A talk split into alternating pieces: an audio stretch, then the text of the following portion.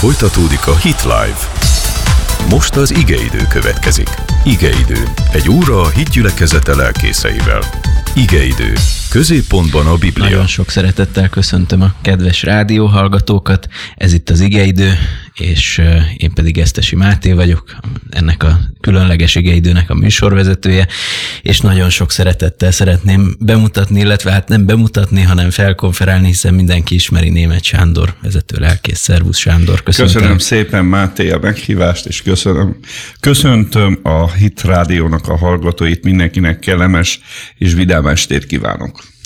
Igazság szerint több nagyon érdekes témával készültünk a mai napra. A téma megjelölés Szent Szellem, csodák és jelek. Ám mindenek előtt egy, egy kezdő kérdésként, ha egy kis privatizálást megengedsz, akkor, akkor ez ilyen könnyedebb dologgal kezdeni. Mit ebédeltél ma? Várjál csak. Azt hiszem borsólevest. Borsólevest. Ne, vagy zöldséglevest. Zöldség. Minestrone. Tessék? Én, én olasz tettem. Zöldségleves, de én magyarosat. Illetve csirkehús volt roston. Roston. Mire vagy kíváncsi még? Nem, hát, hogy jó volt -e. hogy jó volt -e? Igen. Az a, igen. Igen. Igen. Nagyon, nagyon, éppen mondtam a feleségemnek, olyan nagy, jaj, de nagy étvágyam nincsen ma. Köszönöm. Nincs étvágyad. Nem, én is csak nagyon szordinósan eszegettem nagyon kellemes rizottót tettem, egy olasz konyhát nagyon szeretem. Minden esetre, ha nem is olasz, hanem zsidó konyhára, illetve nem is konyhára, hanem politikára áttérve egy kicsit, Jeruzsálemről szeretnélek kérdezni. Ugye történt ennek kapcsán most egy nagy esemény, illetve két nagy esemény hiszen a, az államok mellett még Guatemala is, ugye jól tudom, hogy Guatemala is megnyitotta Jeruzsálemben. is. Már Paraguay is. Tehát akkor végül is ennek összefoglalva volt erről egy hosszabb műsor, én is beszélgethettem veled erről, hogy milyen, milyen szellemi jelentősége van ennek, illetve hogy ilyen módon felpörögtek az események, ez, ez szerinted mit fog okozni, és hogy ez, ez most mit jelent? Nyilvánvalóan akik a zsidó keresztény kinyilatkoztatás alapján állnak, és nem tradíció alapján, tehát főleg itt a helyettesítési teológiára utalok, azok számára eddig is nyilvánvaló tény volt, hogy Jeruzsálem, Izrael fővárosa, Jeruzsálemet nem lehet elszakítani Izraeltől, és a zsidó keresztény kinyilatkoztatásnak központi helyszíne a Jeruzsálem, és nagyon fontos, hogy a városnak a zsidó jellege és az Izrael államához való tartozása, illetve Izrael államának a fővárosaként és szellemi centrumaként tudjon funkcionálni. Ez egy régi vágya az őszinte keresztényeknek is, mert csak ezt tudja alátámasztani a Bibliának a hitelességét, akár ha Ábrahám történetére gondolunk, akár a profétáknak a szolgálatára, illetve az új szövetségre, ugye Jézus Krisztus földi szolgálatának is jelentős része Jeruzsálemben történt, illetve az üdvözítő munkája és föltámadása, valamint a Szentléleknek a megérkezése szintén Jeruzsálemben történt, valamint az egyháznak az elindulása is Jeruzsálemben történt, tehát, és a Jeruzsál ezt a, a, az eredeti helyszínt és környezetet csak a zsidóság tudja létrehozni, megőrizni, fenntartani, és ezért nagyon fontos, hogy Jeruzsálemnek a, az Istentől kijelölt gazdája legyen. Tehát nyilvánvalóan, hogy ennek a keresztényeknek a nagy része örül, Nyilván az iszlám táborban és az iszlám lakosságban ez más váltott ki, és erre mi is érzékenyek vagyunk, tehát megértjük az ő érzéseiket és indulataikat, de hát egyértelmű a Biblia alapján, hogy a Jeruzsálem Izraeltől elválaszthatatlan, és a Bibliától is elválaszthatatlan.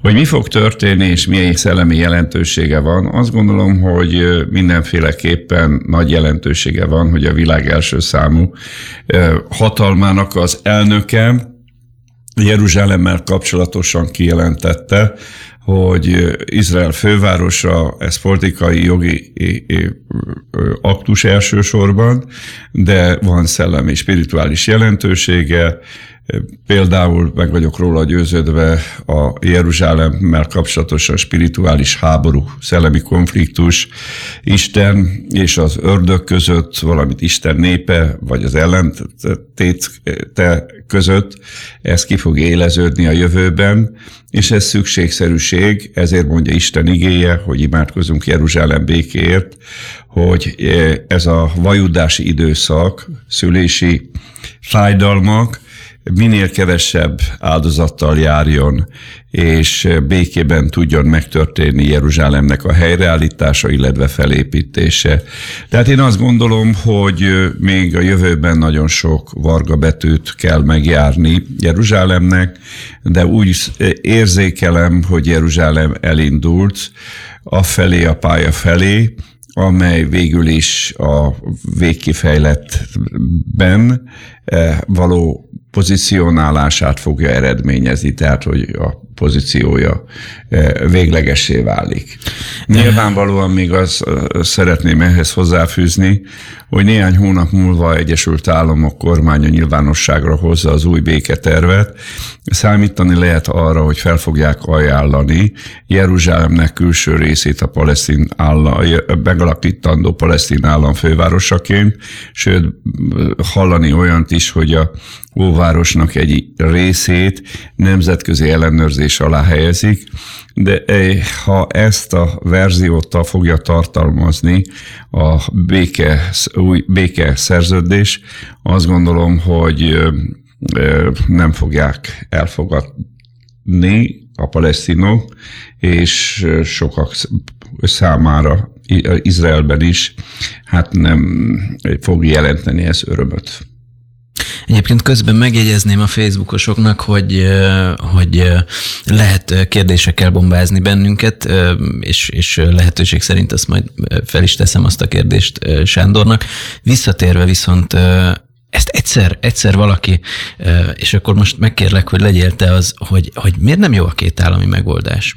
Az, mi a két állami megoldás, és mi a gond vele? Én nem akarok az egyik oldal felől kapcsolatosan se állást foglalni, mert ugye két állami megoldás mellett az szól érvként, hogy valamit kell kezdeni két és fél millió arab lakossággal, uh-huh és ha ez így marad, akkor elveszíti a zsidó, Izrael a zsidó jellegét, tehát ezzel érvelnek, és ebben az érvelésben valóban van megfondolandó tényállítás és, és igazság, de, tehát hogyha elutasítják a kételemi megoldást, de itt a kérdés ugye a kételemi megoldásnál is az, hogy milyen államban gondolkodnak a palesztinok, amit a Izrael ajánl nekik, és szerintem Egyesült Államok is fog ajánlani nekik, az szerintem a palesztin lakosságnak, illetve Hamásznak, de szerintem az Abbaszéknak is elfogadhatatlan lesz. De nem akar,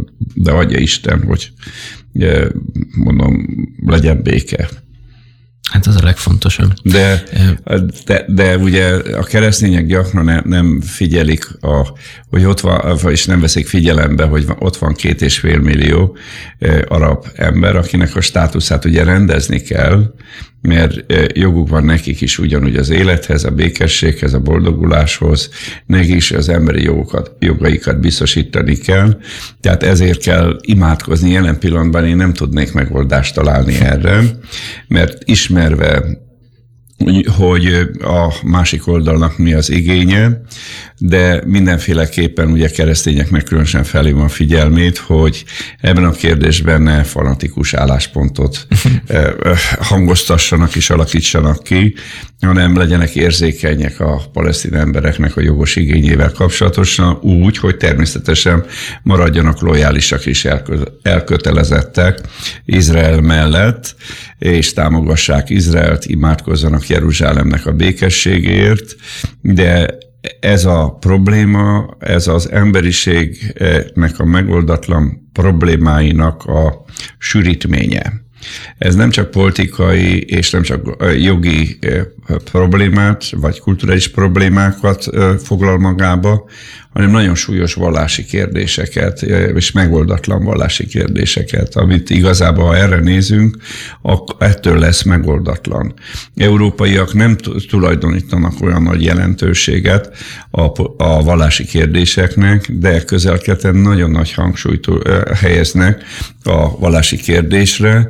Például az iszlám lakosság számára nagyon fontos a vallási érdekeiknek az érvényesítése Jeruzsálemben, kon- konkrétan itt templomhegyre gondolok, illetve Izrael társadalmán belül a vallásos zsidóság számára, valamint a keresztények számára se közömbös kérdés, hogy a vallási kérdésekre a politika milyen választ ad.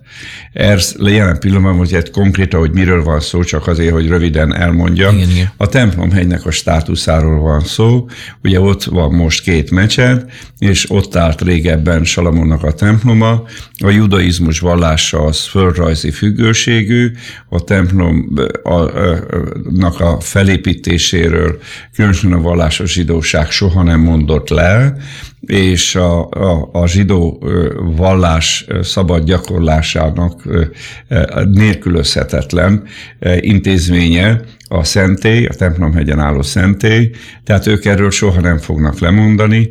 Ugyanakkor az iszlám számára a mostani státusz az azért fontos, hogy megmaradjon, mert ez jelképezi, hogy a tör, ők szeretnék ez véglegessé tenni, hogy a történelemben az iszlám győzedelmeskedett a judaizmus, illetve a kereszténység felett, és ezért nem akarják megváltoztatni, és nem, nem is akarják hogy ott akár zsidó intézmény, vagy zsinagóga, vagy templom épüljön föl, és itt e körül van a megoldatlan kérdés, és ezért az egész Jeruzsálem státuszával kapcsolatos viharnak a középpontjában a templomhelynek a státusza. Állt, pontosabban a iszlámnak és a judaizmusnak a vallási és spirituális céljai. Ezen kívül a keresztények is egyre jobban ismerik föl, hogy a templom egy kulcsfontosságú eszkatológiai szempontból,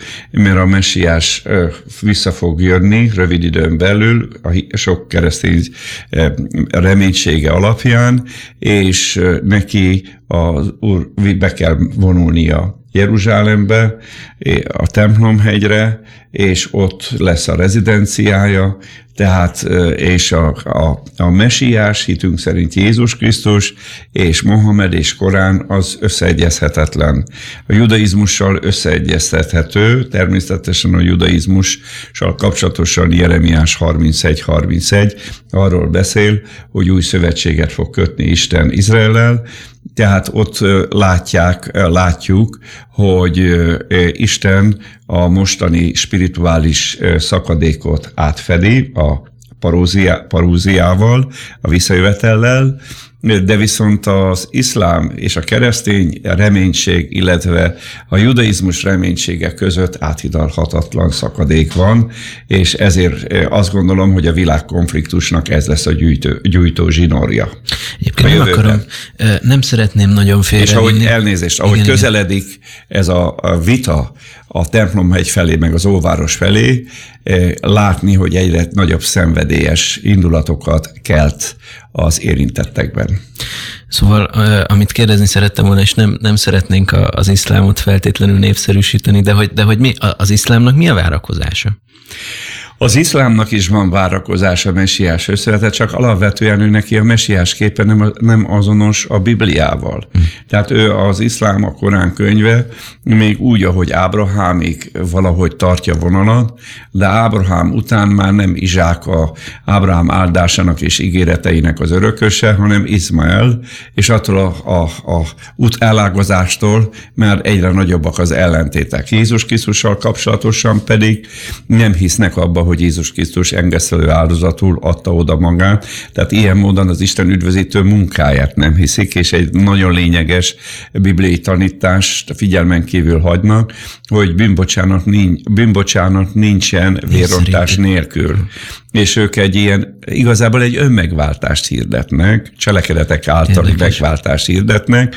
Van mesiás képük, van magdi képük, van antikrisztus képük, minden van, ami a Bibliában szerepel, csak más jelentés tartalmal szerepel az iszlám teológiában. Másrészt sok az ellentmondás, mert a Korán kívül több olyan könyvük van, amelyek erre vonatkozóan kijelentéseket tartalmaznak, és a kijelentések nincsenek olyan harmóniában, egységben, sőt ellentmondásban gyakran, nem véletlenül, hogy a, a szunita és a síta a irányzata, sőt még a vahabita és a szunitán belül is nagy ellentétek vannak, tehát éppen közel-keleti konfliktusban ez már döntő szerepet játszik, tehát a különböző iszlám irányzatok közötti háborús, háborúskodások.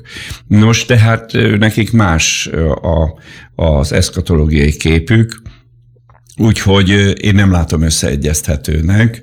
A, ők is beszélnek Isten országáról, Isten ural, eljövendő uralmáról, és eljön, ez igaz, de nem úgy, nem olyan formában, és nem, nem az a személy hozza el, akire ők gondolnak.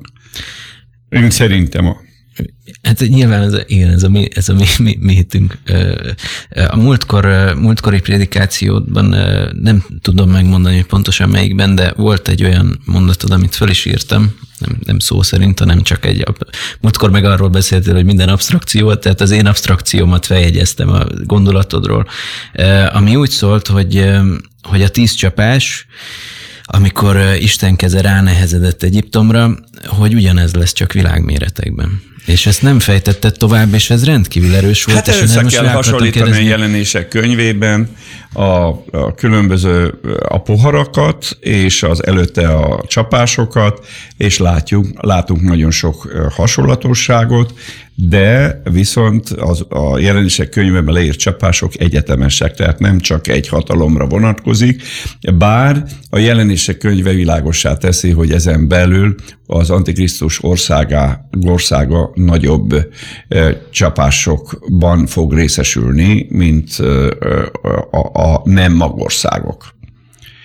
Tehát igen, mert Exodusról szól, valójában összefüggésben most az előző témánkkal, hogy a, a világnak az a, lesz a problémája, különösen az egyház korszak után, hogy nem ismeri fel az Isten idejét, az Isten látogatásának az idejét, és továbbra is ragaszkodik a Jeruzsálemhez, Izraelhez, sőt, illetve szekularizálni akarják Jeruzsálemet és a világot, de viszont a zsidóságon belül nagyon sokan ennek ellene fognak állni, és maga az Úr is ezt az ellenállást fogja támogatni, és ezért fog kirobbanni a világ és a maradék, szent maradék között egy világméretű konfliktus, ami az egész világot megrázza, de ennek a centruma Jeruzsálemben lesz és Judeában az iráni atomalkuról szeretnél beszélni, vagy tovább mehetünk? Ir, ir, ir, iráni atom, mire vagy kíváncsi az iráni atomalkuval kapcsolatosan? Hát csak, hogy ez most hogyan befolyásolja ugyanezeket a Én azt gondolom, az iráni atomalkunak a felmondása és a Jeruzsálembe, hogy az amerikaiak oda helyezték a nagykövetséget, és elkezdték a több, őket követni, ez különösen Európát, de közel-keletet is alapjaiban rázza. Tehát világ meg fog még jobban változni. Eddig is láttuk, különösen 2015 után, hogy elindult egy hatalmas nagy változás, de mondhatnám 2008-at is.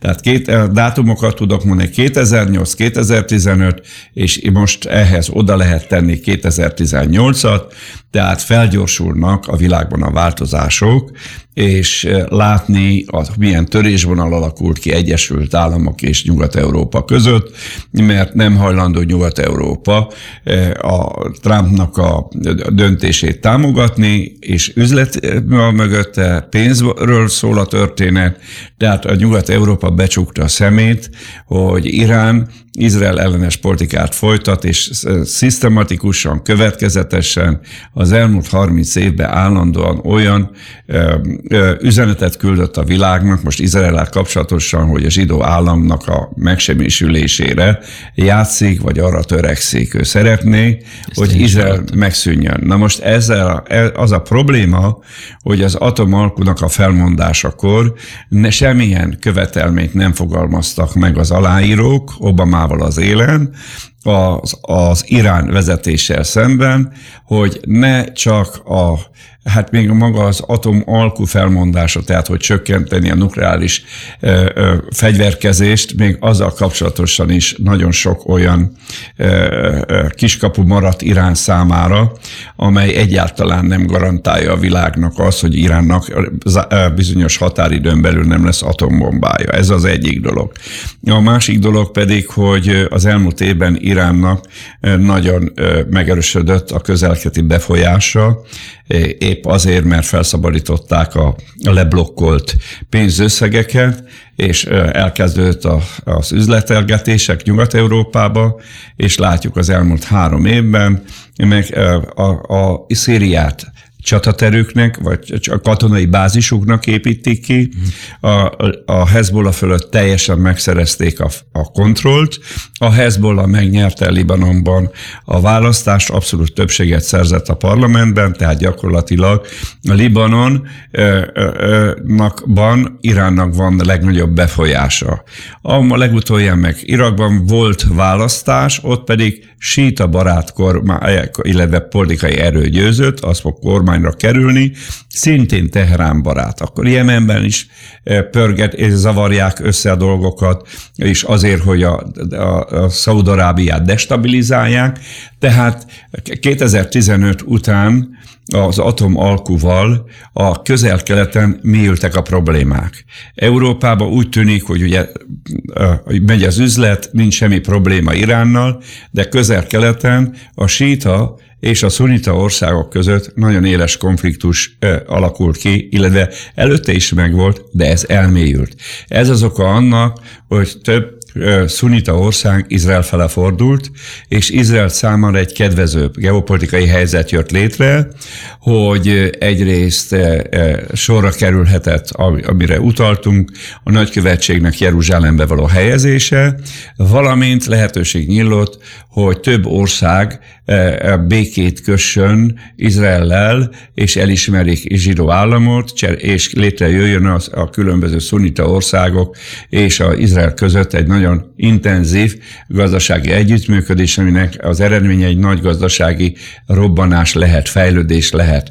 Itt gondolok Szaudarábiára, Bahreinre és más arab országokra, és ez az oka annak szerintem, hogy a nagykövetségnek a Jeruzsálembe való helyezése eh, nem okozott akkora nagy eh, eh, megrázkodtatást a világ számára, mint amire némelyek számítottak, illetve némelyek még most is próbálják hisztérizálni a világ közvéleményt, de én azt látom, hogy a világ megnyugvással fogadta a Trump úr döntését.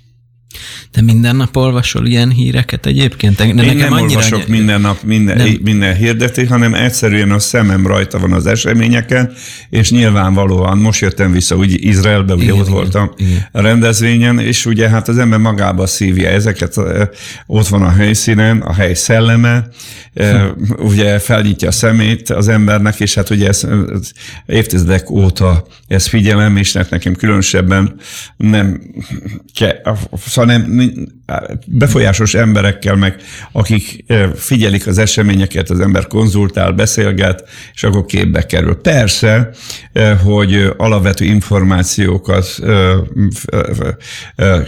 meg kell szerezni, de hát azokat általában a újságok címoldalra helyezik, és nagyon tolakodóan jönnek az ember szem elé, Igen. és itt csak arról van szó, hogy a világ értelmezéshez az hozzápasszoljon. Például mindig van ilyen, hát, amit, és hát ugye elindult Szaad-Arábiába egy olyan gazdasági fejlődés vagy fejlesztés, ami már a jövőt mutatja, és már feltételezi a zsidó állammal való megbékélést és egy nagy gazdasági pénzügyi prosperitás korszakának az eljövetelét. De ahhoz az kell, hogy Iránt lecsavarják. Tehát, hogy az Iránnak a befolyását visszaszorítsák. Most felolvasok egy, egy kérdést, mert nagyon kihagytuk a. Olyan jól elbeszélgettünk, de, de teljesen ki. De ha Most a keveset beszélsz, akkor több érdemet, érdemi kérdésre tudok beszélni. Mondani. Már szóval te beszélj, nem, nem érdemiek a kérdéseim. Az prédikátor betegség ez, hogy a prédikátor sokat szeret beszélni. Na mondja. Egyébként ezzel mondja, kapcsolatban mondja ez is egy, úr. visszatérek a Mi, Na azt a nagy bonyolult kérdést tett fel. Nem csak annyira vicces volt, amikor, mert hogy mondod ezt, hogy a prédikátor, és hogy ez is egy, egy, egy szakma Azt nyilván. volt nekem viccelődnöm vele, de hogy, mert elvicceljük az egész műsort. Nem csak az jutott eszembe, hogy a múltkor beszéltél arról, hogy a, hogy a kenet működése és hogy hogyan kell tisztán élni ahhoz, hogy igazán a Szent Szellem működjön Igen. rajtunk keresztül, és a szolgálatunk minősége, és azt a szót használtad, hogy, hogy, hogy, hogy nagyobb kenettel dolgoznak azok, akik, és a munkaszót használtad a prédikátorokra, és aztán javítottad magad, hogy illetve hát szolgálnak, de hogy végül is ez tulajdonképpen egy, egy, egy ugyanolyan munka, csak, csak hát persze, nyilván nem ugyanolyan, persze, hiszen persze, csak azért hozzá. a magyar közönség szempontjából fog, ugye pontosítani kell, mert a munka ők, ők a szellemi tevékenységét nem tartják munkának. Általában a materialista társadalmakban csak azt tartják munkának, ami kifejezetten a emberi tevékenység konkrét dologra, materiális dologra irányul. De viszont véleményem Ez szerint fontos. a szellemi munka az sokkal fontosabb, de a szellemi munkának ugye többnyire a gondolat, az, nekünk az ige a tárgya, és az eszköz, a Szentléleknek a kenete ereje, amivel az igét szolgáljuk, és igyekszünk az igét érvényre juttatni embereknek az életében, illetve az igének a befolyását kiépíteni közösségekre, családokra, otthonokra. Véleményem szerint ez egyik legnehezebb munka. Nem véletlenül a Biblia a nyomtató ökörhöz hasonlítja, szántóvetőhöz hasonlítja, és állattenyésztéshez hasonlítja ezt a munkát is. Ezek a egyik legnehezebb állattenyésztés azért nehéz munka, mert az rendkívül időigényes, ugye az állattartók nem tudnak elszakadni az állattól, mert az állatokat reggel, délben, megfelelő időben rendszeresen e, e, etetni kell, ellátni kell, itatni kell, tehát nem lehet elmenni három-négy hónapra Karibi tengerre hajókázni egy luxus jaktal. A szántóvetőről, illetve a szántóról szintén az egyik legnehezebb fizikai munka, a másik dolog pedig, a, amit mondtam, a nyomtató ökör, az szintén kemény munka, a nyomtatás és az ökör, és, és eléggé monoton körbe járni, taposni ki a, ki a magvakat a pejvából, tehát ilyen, és párszor is juhort nem mondtam, a legeltetés, tehát az, hogy elöljárni, tehát nagyon nehéz a, ez a munka. Rosszul csinálni könnyű, jól csinálni nehéz. Én ezt mindig így képzeltem, és, és ha lesz időnk, akkor majd a proféták kapcsán visszatérünk erre. De most tényleg felolvasom Péter kérdését. Azt írja Péter, az elmúlt napokban több nemzetközi médiumban megjelent, hogy az evangéliumi keresztények valójában nem is szeretik Izraelt, csak a teológiájukat akarják igazolni, amiben feltétel, hogy Jeruzsálem izraeli kézben legyen. Mit érdemes ezekre a vádakra válaszolni? Hát először is a személyes véleményem az, hogy ezeknek ugye a e, propaganda íze van, ezeknek a véleményeknek. Elsősorban az a célja, hogy az Izrael kormányának és Izrael társadalmának a evangéliumi keresztényekkel való kapcsolatának az erősítését meghekkelje, megakadályozza, gyanagvást hincsen el. Ennek semmiféle tény meg alapja nincsen. A, a Herszti Badarnak is egy evangéliumi keresztény lelkész volt az egyik fő támogatója. Mindig is részt vettek az evangéliumi keresztények a cionista mozgalomban, támogatták mindig is a zsidó államnak a megalapítását, és Amerikában évszázados tradíciója van a keresztény cionizmusnak, és most is, ahogy kim voltam, nagyon sok amerikai keresztényel találkoztam, vezetőkkel beszélgettem. Ez egy alaptalan vádaskodás, ők szívükből szeretik a Izraelt, tisztában vannak Izrael és zsidóság és Jeruzsálem jelentőségével, tulajdonképpen az emberiségért érzett felelősségük, elkötelezettségük is szerepet játszik Izrael szeretetében, mert tisztában vannak azzal, hogyha Isten Izraelt és Jeruzsálemet felemeli, akkor eljön a nemzetek számára a felemelkedésnek az ideje.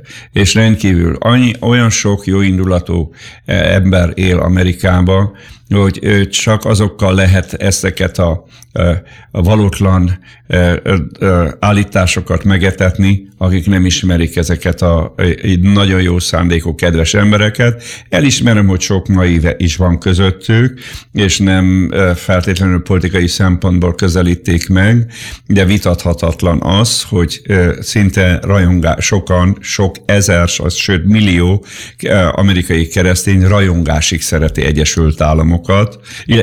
Azt is ezt szereti, de Izraelt is rajongásig szereti, és tisztában van azzal, hogy a Izraelnek a támogatása, a szeretete, az abban Istennek a szeretete is megvan.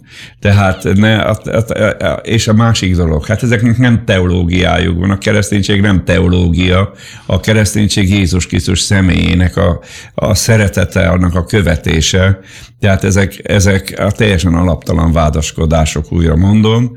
Nyilvánvalóan sokféle keresztény található, de alapvetően, hogy Egyesült Államok ezt a döntést meghozta, illetve a Trump úr e, e, ezt az ígéretét valóra váltotta, ebben döntő szerepet játszott az amerikai kereszténység. Nekik ígérte meg, amerikai kereszténység ezt kérte, hogyha Trump ezt megteszi, akkor támogatni fogják. Trump úr megtette, éppen ma tényleg olvastam a, a Benon úrnak a előadásának egy összefoglalóját, és a Benon úr pontosan azért nevezte Trump úr demok, igazi demokratának, mert a választási kampány ideje alatt ti ígéreteit szép sorban, rendben teljesíti be.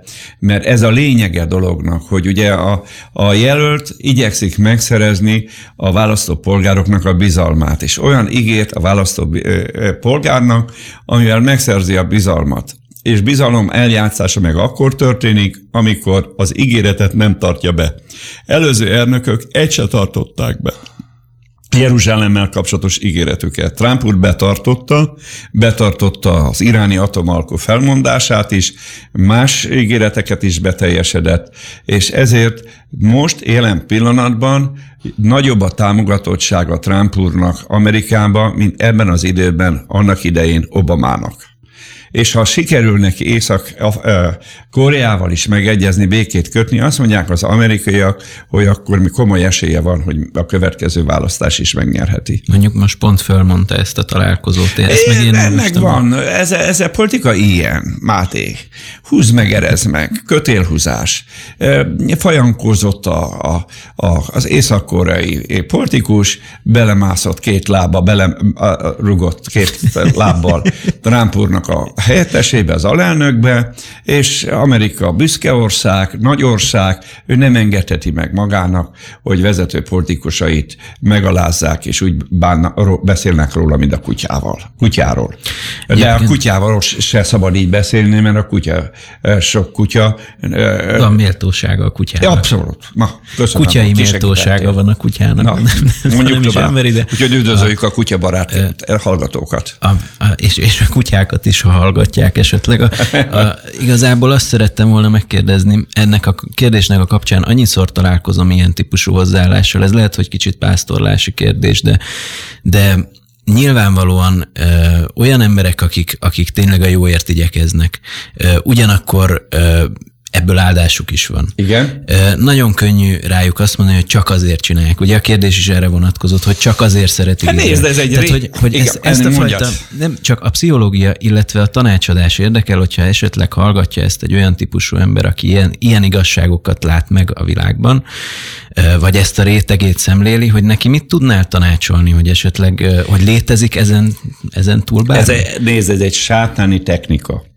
Így ejtette el Évát is az ördög. Csak ugyanazt mondta Isten. Tehát először a- kétségnek a magját ültette be Évának a magjába, és utána jött a, az Isten állításának a ellentéte, a száfolata.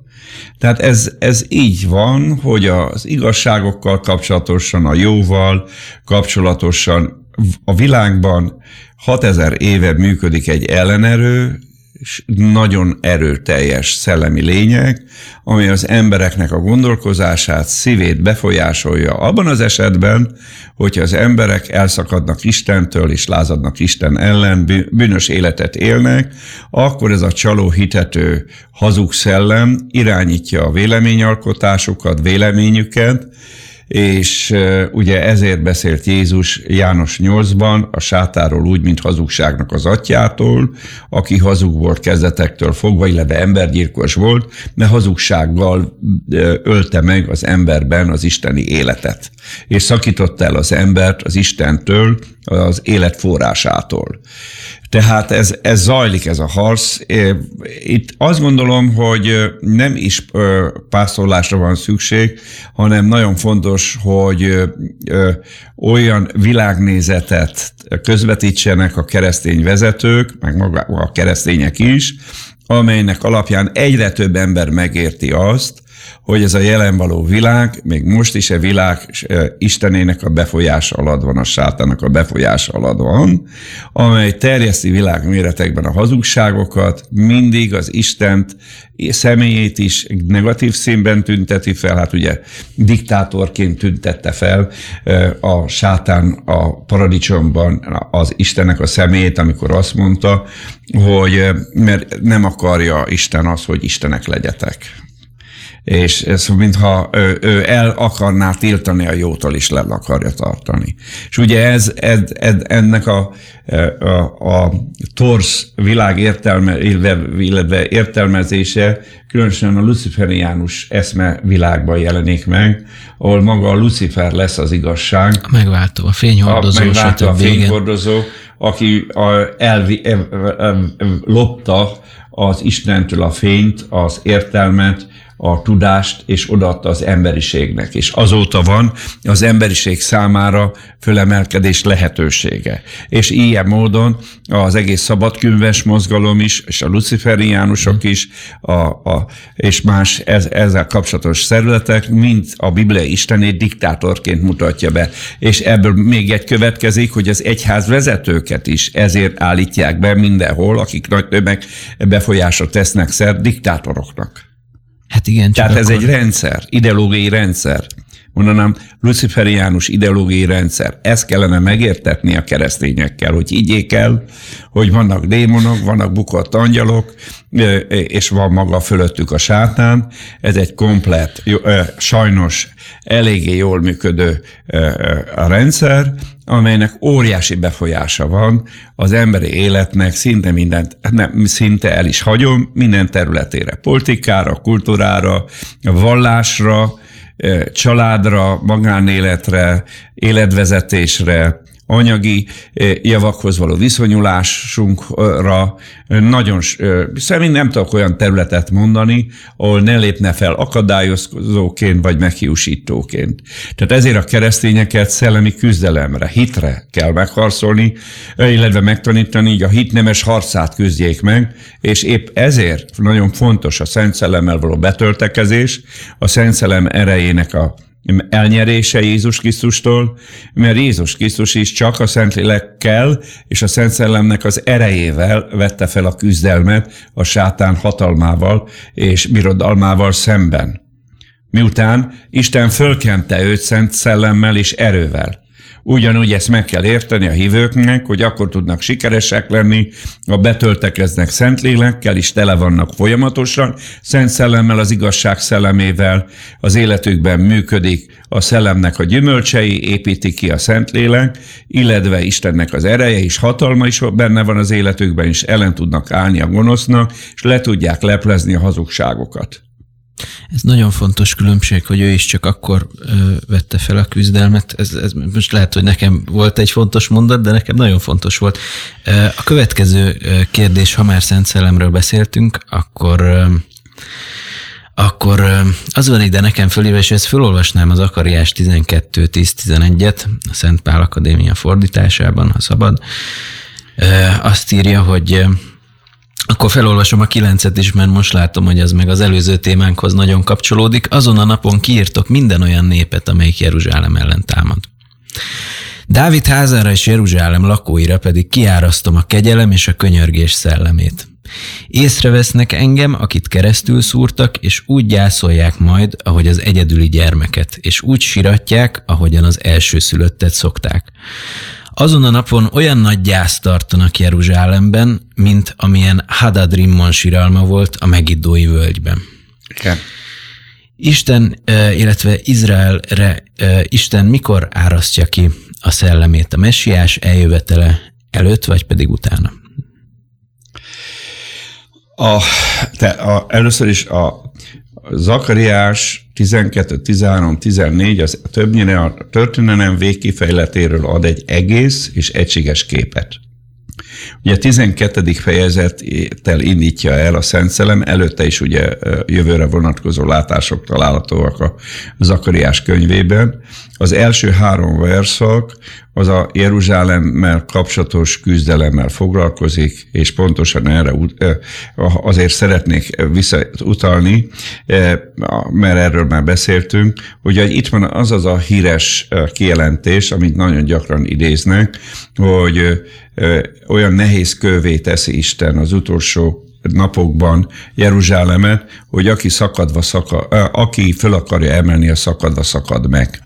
Tehát vagyis azt jelenti ez, és azt gondolom, hogy ez indul el most, úgyhogy köszönöm, hogy a Zakariás 12-re rátértél, hogy pontosan szerintem ez indul el, hogy kezdik Jeruzsálemnek a státuszát úgymond emberi módon megoldani. Az a, a, e, a Zakariás 12 első és három e, verszakának a fő tanulsága, és különösen fontos lenne, hogy a politikusok megértsék, hogyha olyan megoldásokat ötlenek ki, amely az Isten akaratával szemben áll, akkor mindegyikük meg fog bukni. Tehát a Trump úrnak a béke javaslata a jövőben. E, most próbálja semlegesíteni ezt a döntést, csak feltételezés, nem tudom, akkor szinte teljesen biztos vagyok benne, hogy néhány év múlva ő is politikai halott lesz, mint ahogy ez megtörtént Obamával, megtörtént Clintonnal, ezek szinte mindenki, aki a, már a, a 1967 óta Jeruzsálemhez hozzányúlt, Isten akaratával ellentétesen politikailag bukott ember lett. Tessék megnézni ezeket az embereket. Ez így lesz a jövőben is. Utána a harmadiktól a kilencedik, amit utaltál a mhm. kilencedik verszakra, az nem erre az időre vonatkozik, hogy nem a történelemnek az utolsó, tehát az Armagedonnak az utolsó konfliktusára, amikor Jeruzsálem ostromára is sor fog kerülni, és a nemzeteknek a hadseregei felvonulnak Jeruzsálem ellen, ebben akarják semmisíteni a zsidó államot, Jeruzsálemet, és akkor maga az Úr avatkozik be, és ebben a drámai konfliktus helyzetben, amit Jézus nagy nyomorúságnak, mi meg nagy tribuláció, tribulációnak nevezünk, akkor fog beavatkozni Izrael oldalán. Én azt gondolom, most a kérdésedre konkrétan válaszolva, hogy ahogy közeledik Jézus Krisztusnak a visszajövetelének a napja, előtte már erőteljesen elkezd a Szent Szellem munkálkodni Izrael fiaiba. Például maga a futás is ennek az eredménye lesz. Ugye Jeruzsálemből való futásról beszél Jézus is, de van utalás erre az Ószövetségben is, Ószövetségi profétáknál, Zakariás 14-ben is van. Tehát, hogy... Ez egy természetfeletti futás lesz, azt mondod? Nem természetfeletti futás lesz, hanem kijelentést kapnak ezek az emberek, és Jézusnak a proféciáiban fognak hinni. Tehát ez azt feltételezi, hogy nagyon sokan akkor már a názeti Jézus Krisztust el, el fogják fogadni. Már most is nagyon sokan, például legutoljan volt egy érdekes beszélgetésem, és mondtam az a izraeli barátomnak, figyelj ide, most hagyjuk, ne arról beszéljünk, hogy Jézus mesiás vagy nem, de válaszolj nekem egy kérdésre.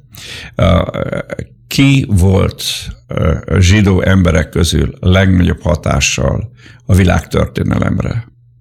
Okos, azt mondja, okos kétségkívül. Ezt mondta, kétségkívül Jézust. Ugye utána meg azt mondtam, hogy akkor miért ne, nem adjátok meg neki azt a tiszteletet, ami megilleti.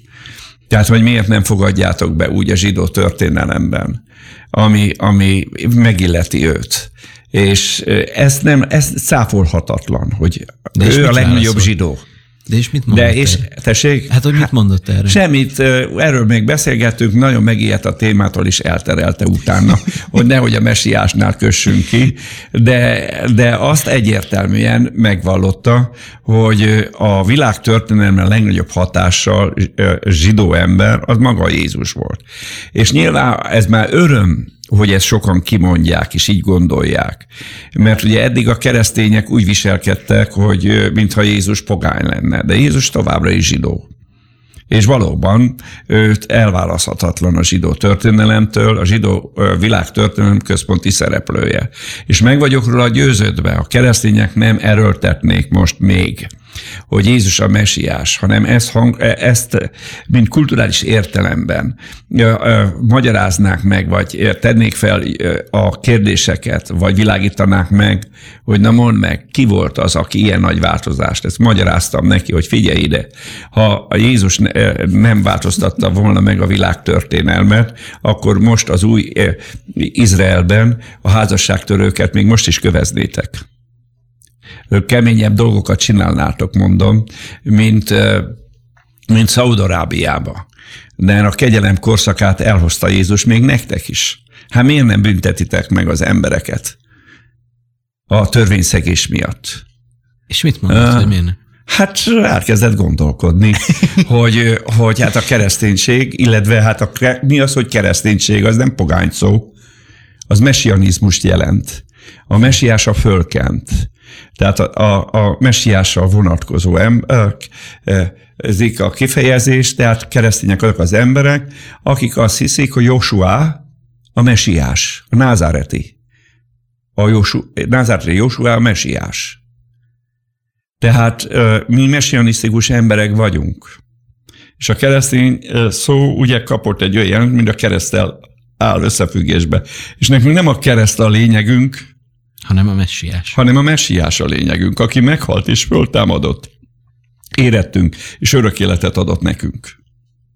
Nos, de honnét kanyarodtunk Az akar, pont, pont vissza akartam. De visszatérve, a, tehát a... visszatérve, a, amit felolvastál, hogy az irgalomnak és a könyörületnek a szelleme, tehát a Szent Szellem árad ki, ami úgy látom a Szentléleknek egy, a, azok a kenetei áradnak ki a, a bajba a, a került zsidó emberekre, akik azonnal vigasztalást adnak és kijelentést adnak neki. És utána jön vissza a mesiás, és akkor utána látják meg a mesiásnak a jelét, és utána pedig folytatódik a Szentléleknek egy nagyobb kitöltése, kiáradása, hogy lejön a mennyből a messiással együtt, az Úrnak a dicsősége is betölti Judeát, Jeruzsálemet, tűz, olyan tűzfal veszi körül Jeruzsálemet, ugye Ézsajás négyben van, ami hasonlít a, a kivonuláskor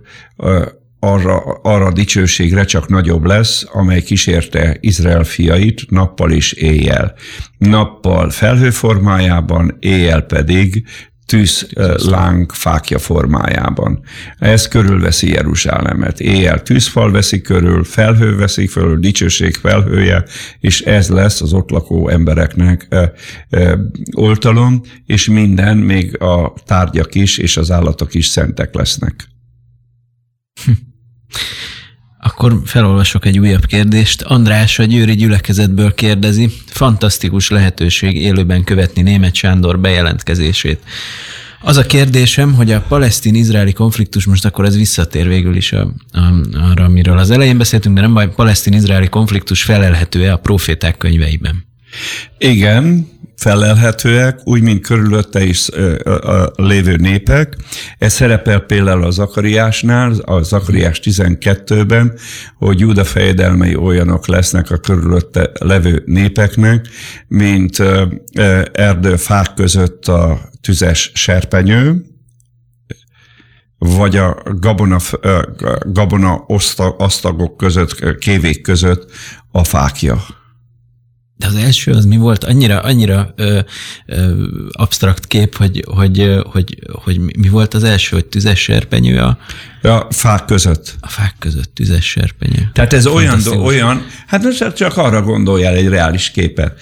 Menj be az erdőbe parással. Tehát égő parással, és dobd el az erdőbe. Lesz belőle erdőtűz? Nem tudom. Biztos. Lesz belőle? Lesz. Lesz. De ne próbáld ki. nem, nem fogom így hát, hát több évre le fognak csukni. És a kedves nézőknek se ajánljuk, hogy kipróbálják, nem. mert ez fontos. Ugyanúgy, ha látták a táblákat? Hát lát, igen. Meg hallottad most, hogy hogy, hogy gyújtják fel a palesztinok az izraeli gabonatáblákat? Nem tudtam róla. Sárkányról tudod, ez a gyerekkorodban nem játszottál sárkányokat? Nem. Én igen sárkányokat tud, szoktunk keregetni. Egy ilyen papírral csináltunk, papírra festettünk ilyen sátáni fejeket, és, és akkor egy ilyen nagy kötélel fölengedtük a szélbe, és akkor lebegett a levegőbe. Na most ők meg meggyújtják és olyan széljárás van, amely befújja izraeli területekre, és lecsapódik a gabonatáblára, és felgyújt a gabonatáblákat. Ez Tehát e- ezek kedves, a képek jussanak eszembe. Tehát Igen. körülbelül ez, egy, ez szintén ez egy jelkép, tehát képes beszéd a Bibliában, ugye ez megérteni, akkor fogod megérteni, ha megszerzed a képes beszédet, és ezek a képes beszédek ugye mind a természetes életből, akkori élet képekből van merítve, és akkor meg tudod érteni, hogy arról van szó, hogy a Juda fejedelmei az utolsó időkben vezetői, tehát ö, olyan ö, ö, kenetet kapnak Istentől, szerintem még nem biztos, hogy megtértek, mert ilyenre van példa, a, amelynek az az eredménye, hogy győzni fognak a szomszédos népek felett. Tehát a katonai konfliktusokat sorra nyerik meg. Ugyanezt találjuk az ezékielnél is, a 34. fejezetben, hogy konfliktusról beszél, hogy kívánják a szomszédos népek Izraelnek a hegyeit, Izraelnek a földjét, és nem akarják odadni Izraelnek a, a földjét mert azt mondják, hogy ez az öviké. Tehát a föld miatti veszekedésről igenis beszél a Biblia, e, ilyen módon a palesztinokról is szó van, nyilvánvalóan az Ószövetségben meg kell érteni a a típus ki, a, jelentőségét. Tehát, hogy amikor filiszteusokat használja a Biblia, nehéz most bebizonyítani, hogy élnek-e a filiszteusok vagy nem, hanem mindig azt kell nézni, hogy a filiszteusok helyén most ki van. A filiszteus szó, mint jelkép. Most melyik népcsoportra vonatkoztatható? Tehát ez olyan, Kik Babilon, hogy szellemi örököse ugyanúgy Gázába van a... például. Uh-huh. Világos. Tehát most a gázai lakókat ugye etnikailag nagyon nehéz meghatározni. Véleményem szerint ez egy többségben egy az arabi szó is ugye azt jelenti, hogy egy ilyen keverék, tehát az arab kifejezés is több etnikumot jelöl. A Mohamed is a Kédár törzsből származik, tehát egy arisztokrata arab törzsnek a fia és etnikailag ugye a, a török hódoltság ideje alatt egy olvasztó tégelyként működött közel-kelet, és összeolvasztották a, a különböző etnikumokat, és megszüntették bennük a nemzeti identitást.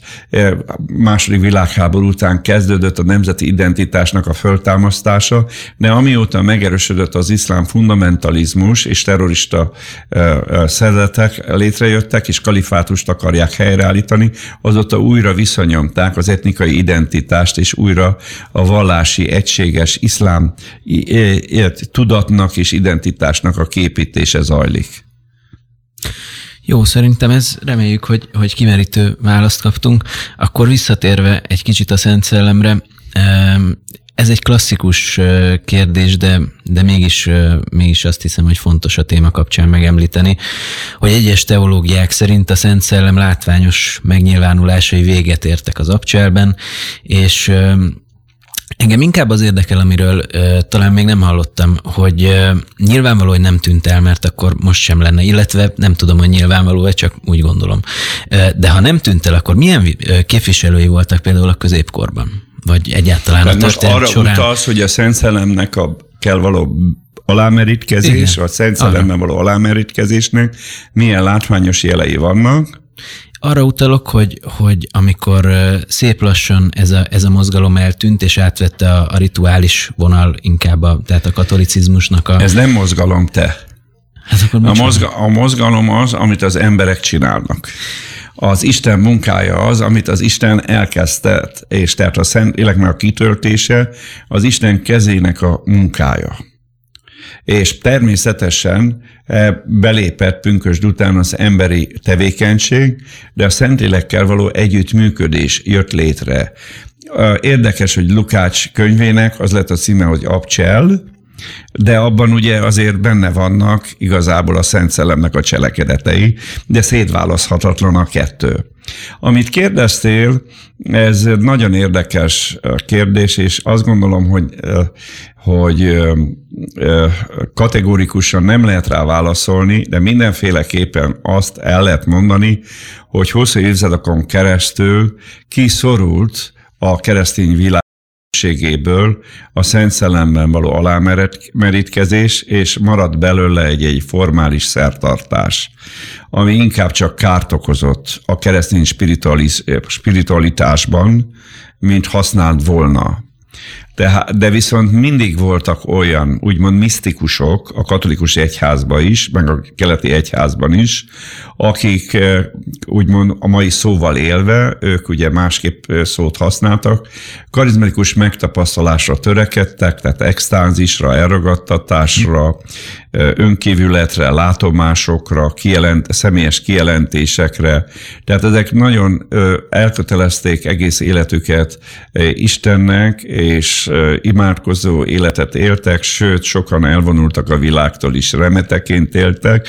Ezeknek voltak nagy találkozásaik Istennel, bár én különösen megtérésem előtt ezeket tanulmányoztam, és azt gondolom azért volt sokaknál vegyes, illetve okkultabb élmény mert nem volt tiszta már a kereszténység, tehát a kereszténységnek a vallás gyakorlásában a második században a hellén görög-latin kultúra, filozófia kezdett báramlani, és e, e, fokozatosan kezdett kiszorulni belőle az ószövetségi fundamentum, és ennek az lett az eredménye, hogy sok olyan pogány szertartás jött be a keresztény világba, hogy kialakultak úgymond keresztény okkultizmus és bálványimádás.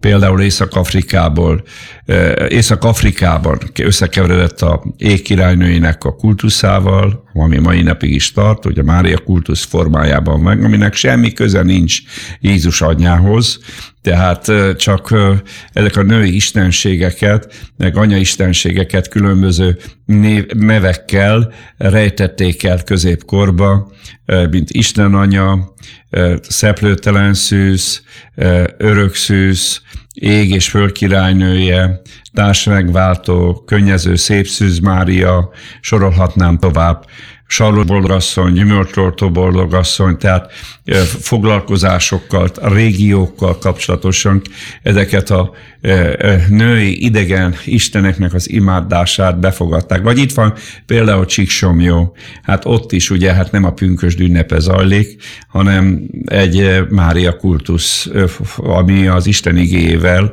szemben álló kultusz. De ott mi az, ami, mi az a gyakorlat, amit csinálnak, amit, ami, ami ütközik a, a Bibliában? Minden.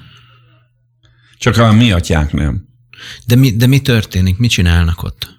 Hát elmennek egy, egy helyre, ahol szerintük valamikor megjelent Mária, és annak a helynek természetfölötti jelentőséget tulajdonítanak. Ott vannak szertartások, áldozások, tehát misék, katolikus szertartások. Most ezzel ezt nem akarom elemezni, hogy ez most Isten igéjével hogy áll összefüggésbe, vagy ellentétben. Tehát e, ilyen programok vannak, meg énekelnek. Uh-huh. És megy a vallásos üzlet is, tehát kegytárgyakat árulnak. És csodálatos, szép vidék, sokan olyanok is elmennek, akik nem vallásosak, mert nagy élmény székelyek között lenni, nagyon jó nagy tömeggel lenni, 500 ezer emberrel, tehát valaki mesélte nekem, aki ateista, hogy rendszeresen járt, mert azt mondja, nagyon nagy élmény volt, ahogy fogadták őket, hm. nagy kenyérrel, borral, pálinkával a székelyek, az különleges nap volt számára is. Minden esetre akkor, ahonnan elkanyarodtunk, de még valamit akartam kérdezni. Minden esetre addig is, amíg eszembe jut, felolvasom Gábor kérdését, aki azt kérdezi, hogy várható-e a jövőben a Szent Szellemnek egy nagyobb kitöltése? Mindig várjuk a Szentléleknek nagyobb kitöltését. Isten mindig nagyobbat akar adni, és ezért az embereknek nem csak várni kell, hanem kérni is kell, és eljött kell készíteni Károlynak is, meg nekem is, meg neked is, Máté, a szívedbe, elmédbe, hogy a Szentlélek több szálljon rád, és nagyobb kenettel legyél felkenve. A Isten igé azt mondja, hogy mérték nélkül adja az Úr a Szent Lelken, ahogy te is az étkezésednél, hát persze, hogy vannak korlátok, nyilván a befogadó képessége a gyomornak, illetve az étvágy határozza meg, meg a szomjúság, hogy mennyit iszunk. Tehát a szellem, szentlélekkel való betöltekezés, az alapvetően a szomjúság és a hit határozza meg, tehát az emberi oldalról nyílik meg a kapu, illetve épül föl a korlát. Tehát én azt gondolom, hogy az Úr mindig nagyobb ébredést akar adni, ő nem korlátozza, és fokozatosan egyre nagyobb jelenlétbe akarja, akar bennünket bevezetni, csak gondolj arra, hogy Ezékiel 47-ben, amikor kis eh, forrás támad az úr templomából, és abból a kis forrásból lesz egy bokáig érő víz, aztán néhány eh, tíz eh, méterrel már térdig érő, utána aztán még távolabb már usznivaló víz, tehát így kell növekedni a Szent Szellem jelenléti mindenkinek egyéni szinten is és közösségi szinten is, de ahhoz, hogy ez így tudjon növekedni, ahhoz az embernek az életvitelét, életmódját, életének a célját és irányvonalát egységbe kell hozni a Szent Szellem céljával és Szent Szellemnek az irányvonalával. Mert két úton vagy egy úton két ember, két ember nem mehet, hogy meg ne egyezzék. Tehát igen. a Szent Szellemnek a céljával és irányvonalával meg kell egyeznünk, és ahhoz kell alakítanunk a mi életünknek, és a célját és irányvonalát. Akkor tudunk szellemben járni. És akkor a szellem mindig növekszik, ő soha nem adj el. A Jézus azt mondja, örökké veletek marad. Ő bennetek lakik és ha mi az Úrat követjük, és, és éhesek vagyunk, szomjasak vagyunk az Isten igényére, az igazságra és a Szent Szellemre, akkor nő a jelenléte. Átjárja az embernek a természetét, szívét, lelkét, fizikai testét, a, ezeknek a szféráknak a különböző részeit, és raktározódik a kenet az ember személyiségébe, és hát pontosan a felkenetésnek az a lényege. Juhokat is például felszokták kenni olajjal, és bedörzsölik a bőrét, uh-huh. hogy az ilyen, ilyen ö, ö, kártékony ö, ö, betegségeket terjesztő rovarokkal szemben legyen védelme. Tehát ugyanúgy bedörzsölni Isten a testünket is Szentlélekkel. De ahhoz, hogy ez a, a kenet rajta maradjon a testen, jó, tehát megnyugodjon a Szentlélek meg a kenete rajtunk, ahhoz a szellemünkben, a bensőnkben, minőségi közösségben kell élni a Szentlélek, tehát át kell adni magunkat a Szentlélek uralmának. És ez, ez a hívő életnek, a szellemi életünknek mindennapos célja. És hiszem azt, igen, hogy, hogy, hogy az egyháznak a helyreállításában, illetve megszületésében, már itt van pünköskor, ugye többször hallottam ezen a napon, hogy az egyház születésnapját ünneplik. Az egyháznak a születésnapja az mindig van. Minden generációban az egyháznak születni kell. Amikor egy hívő elfogadja, befogadja Jézus Krisztust, elindul az újjászületés, Szent Szelemmel betöltekezik, mert igazából az az újjászületésnek a tetőpontja, akkor egy egyház születik mert mi az egyház? Ekklésia, tehát a hívás jelenti, nem épületeket jelent, nem templomot jelent, hanem személyeket jelent, akik, akiket Isten elhívott Jézus Krisztussal való közösségre, és a Szent Szellem kijelentette bennük Jézust Úrnak és engedelmeskednek az Úr hívásának, és víztől és szellemtől újjászületnek. Tehát az egyházról nem lehet úgy beszélni, hogy befejezett múlt időben mondjuk azt, hogy az egyház megszületett, elkezdődött a születése, és a megszületés az a jelenések könyvében van leírva, a 12. fejezetben, amikor elragadtatunk az Úrhoz, és véglegessé válik az egyszülöttek, az elsőszülötteknek a serege tehát akik meghaltak az Úrban, mert az egyház most úgymond elnézést ezt a kifejezésről, hogy ezt kell mondanom, hogy csonka. Tehát nem teljes. Van egy szférája, amely a mennybe van, de a testét még nem nyerte vissza a föltámadáskor. Van egy földi része, a földi része is diaszporába él, és van egy harmadik kategória, amelyeket a jövőben hív el az Úr. És amikor ez a három e, e, e, rész belekerül Istenek a kegyelmébe, és az Úr visszajövetelekor a föltámadás által egyesíteni fogja az Úr, igazából akkor beszélhetünk arról, hogy az egyház megszületett, addig a születéseknek a sorozata zajlik. Hogyha, hogyha egyenkénti emberekről és egyenkénti elhívásokról van szó, akkor miért kell mégis összegyűlnünk időről időre? A, a, az összegyűlés az rendkívül fontos, a közösségi szinten való Isten e, e, e, tiszteletnek, Isten imádásának a, a, a gyakorlása, tehát első fő cél az Isten igazságának, Isten fenségének, szentségének, ékességének, tulajdonságainak, beszédének a méltánylása, értékelése. Eh, közösségi szinten, egyéni szinten is el kell csinálni, csak amikor összegyűl, Isten azt akarja, hogy közösségi szinten, Isten nem egyéneket, Isten nem individualista embereket hívott el, hanem ezért mi nem azt mondjuk, hogy én atyám, ki vagy a mennyekben, szenteltessék meg a te neved, hanem mi atyánk. Tehát a, a Bibliában a kollektivizmus, most jó értelemben, igazság alapján az nagyon lényeges része az egyház, a, a, az Isten munkájának. Nagyon sokan ugye a individualista keresztények ként Most élnek. Miért rám mutatsz? Hát ez, ez véletlenül volt, de ha magadra veszed, akkor köszönöm, megköszönöm, és állát adok Istennek, hogy szól hozzád az Úr.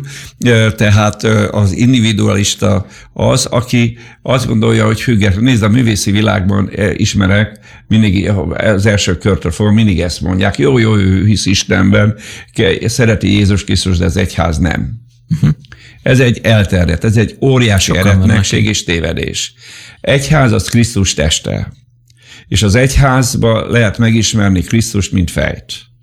Te csak, ö, ö, ö, hogy mondjam, fatyú tudsz lenni az egyház nélkül. Uh-huh. Nem tudsz teljes értékű keresztényé válni soha. Fú, ez nagyon erős mondat volt. Nem erős mondat, hanem ez az igazság. Értem, értem, amit mondasz, teljesen. Az igazság az kart. Hm. Tehát ez, én sem voltam közösségi ember, ki kellett a Szentléleknek munkálni, magányos, magamnak való ember voltam. Szerettem a magányt. És élveztem az elhagyatottság érzését, mert, eh, mert szerettem szembelegni. Sok irodalmat olvastam, költészetet, művészeket, fájó lelkű embereket, akik állandóan a világ eh, fájdalmát eh, énekelték és belezúgtam ebbe. Ez egy hamis életérzés, hazugság. Ez érdekes, mert, mert ezt én is megtapasztaltam, hogy én is voltam így. Hát azért beszélek róla és, neked. Én is voltam így, és aztán tényleg a megtérésem után megtapasztaltam, hogy, hogy teljesen más fajta, na mindegy, szerintem mindenki érti. Na értjük, értjük egymást. Jó. Ja. Akkor De hát mondd meg apukádnak is, oké? Okay? Szerintem ő is, ő is hallgatja. Úgy Jó, üdvözlő, Károly, üdvözöllek, Isten áldjon meg, és te is légy közösségi ember, nem fogod elveszíteni az egyéniségedet, csak a kevésséget. A kevésség nélkül az egyéniség megmarad. Ne harag, ne érts félre, én is kevés voltam. Világos. De azért kell a közösség, mert a kések összedörzsölődnek egymással, és köszörülik egymást. Az emberi szív ilyen, és az arc egymás köszörülik. Hát sőt, egyszer, egyszer a Ser Tamás mondta, Mert hogy te, bölcsen, hogy... A... Hadd had, had, had, had folytassam még, utána beszélhetsz. hogy az, azt mondja Salamon, az ember szíve olyan, mint a víz. Ha tiszta szíved, az arcomat tükrözi. És attól kapsz sok mindent, inspirációt. Istenbe kell bízni, ne félre. Csak ö, van, amikor rossz ember tükr, ö, fotóz le a szellemünk.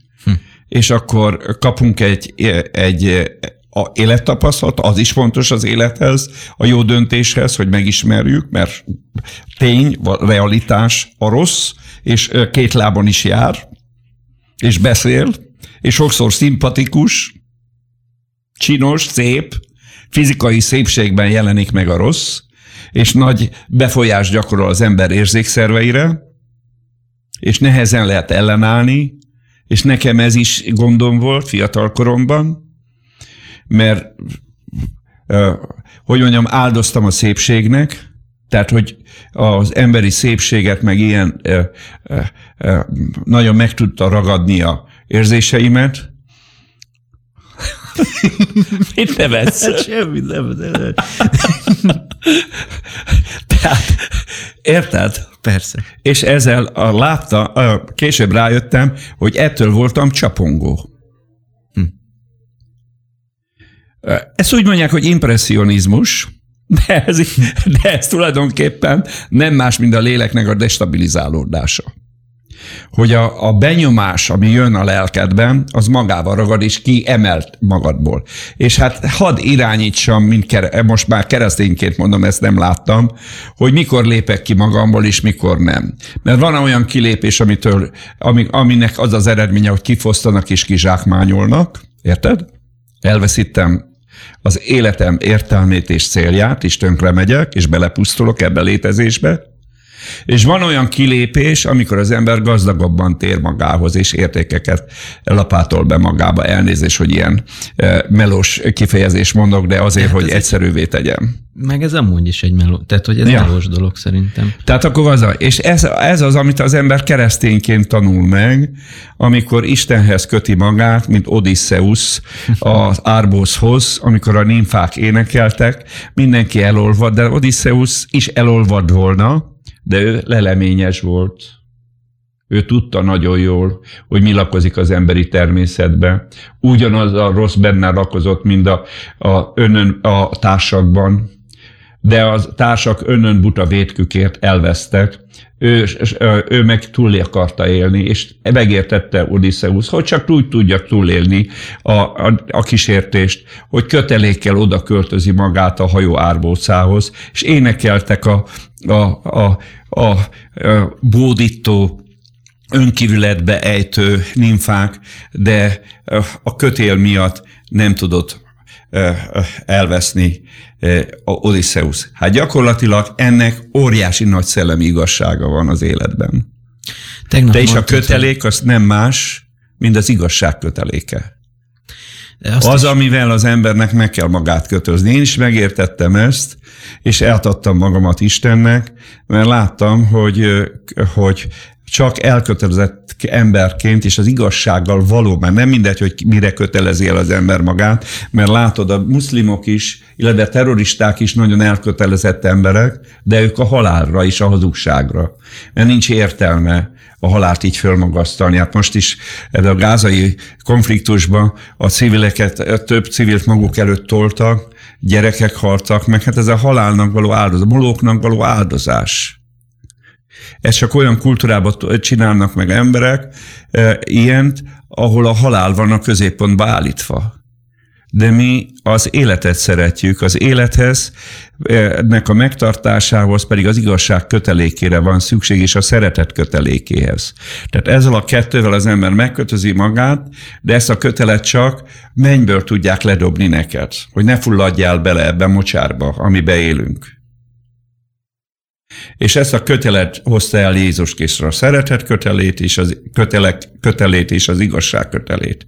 És ezzel kötöztem meg magamat, és, és te is, Máté, dicsőség Istennek, áldjon meg az Úr gazdagon, Köszönöm és töltse be szent lélekkel a szívedet, lelkedet, és Isten embere legyél, és szolgáld Istennek az igéjét egész életedben, apáddal együtt, meg családoddal együtt, és áldja meg Isten minden szükségedet, töltse be túlcsorduló módon, és imádkozok azért, hogy egy olyan társat adjon neked az Úr, amely eh, minden területen ki tud egészíteni, társat tud lenni, és segítő tud lenni. Köszönöm szépen nagyon ezt a kedves, kedves áldást. E, igazából tegnap mondtad azt, hogy be kell csatolni néha a biztonsági jövet, és Olyan, tudni kell, hogy mikor. És ezt nem fejtetted ki, és nagyon szeretném, ha most kifejtenéd, hogy mikor kell becsatolni a biztonsági most. jövet. Most, amikor turbulenciás kor, ö, ö, időszakban élünk. De ez, ez egy napra vonatkozik? Ez nem, egy hétre, nem, egy nem, évre? Nem, nem, nem, nem, nem. Most nem. Hát olyan konfliktus viharban látni, hogy a törvénytelenség megsokasodik, szeretet meghidegül, ezek az igék mind erre korra vonatkoznak, nem kell, ez nem ráolvasás a mostani valóságra, hanem a valóság fedi fel magát. Ha kinyitod a szemedet, ezt fogod látni két lábbal tapossák meg Istennek a törvényét a nyugati kultúrában, amely nyugat a fölemelkedését pontosan egyik, aminek köszönheti a tíz parancsolatnak.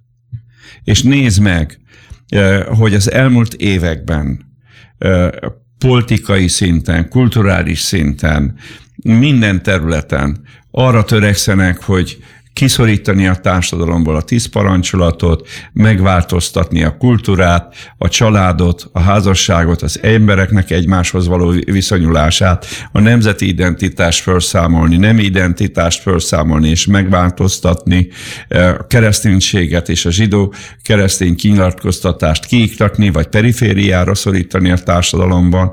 Hát ez azt jelenti, hogy egy ellenerő lögdösi Noé bárkáját az igazságnak a hajóját. És ettől hol úgy érezzük, hogy a hullámok nagyon nagyok, nem tudunk velük megbírkózni, és ugye ilyenkor fontos, hogy a biztonsági övekbe legyenek kötve, ami azt jelenti, hogy ahogy Pálapostól mondja Efézusban, hogy a, a, a, a létünkkel kapcsolatosan is kétségbe voltunk, ezért rábíztuk magunkat Isten kegyelmének. Tehát mindig, amikor e, zavar van, és az, e, a napot elfedi a felhő, a, vihar, viharos felhő, akkor e, mindig föl kell ajánlani az életedet, jövődet, idődet, energiádat, képességeidet Istennek a kezébe hogy ő keze vigyen, hordozzon.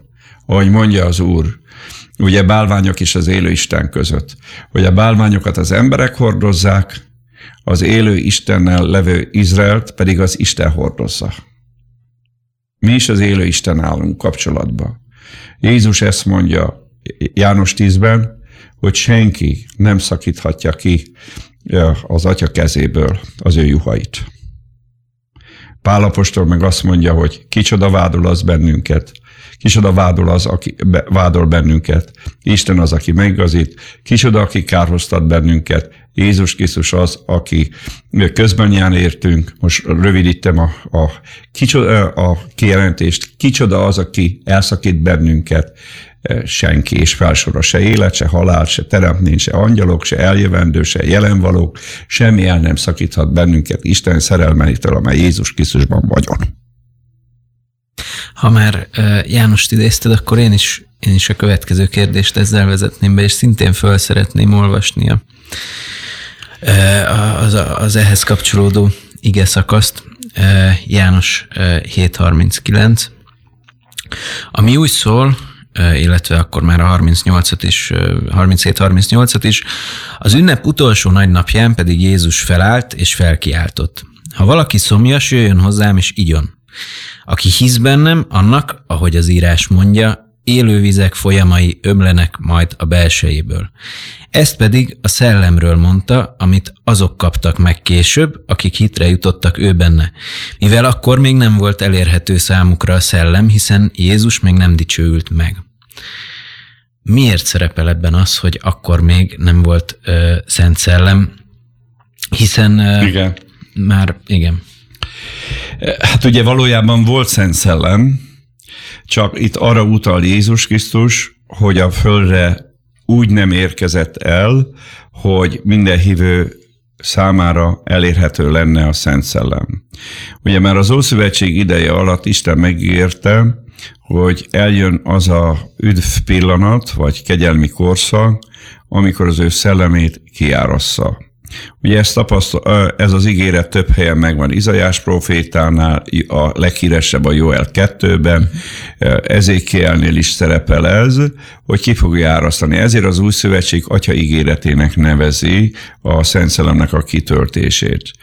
A Ószövetségben is a minden karizmatikus korszakban a mesiás mellett a Szent Szellem főszereplő volt. Például a teremtésnél is úgy, azt, úgy kezdődik, hogy, hogy és a Szent Szellem lebegett ugye a tehunk fölött, a mélység fölött, és ott már látjuk, hogy különálló személyként van megjelölve, vagy legalábbis én így értelmezem, és azt gondolom ez a helyes, mert végig ezt látjuk.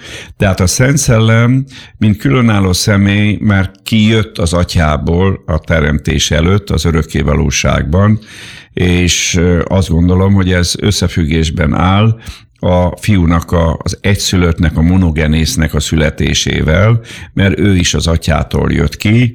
Ugye őt mondja János apostol igének, hogy az ige volt az Isten, Istennél volt az ige, utána később mondja, hogy az atya kebelén volt a monogenész fiú, tehát az egyszülött fiú, és nyilvánvalóan így értelmezik.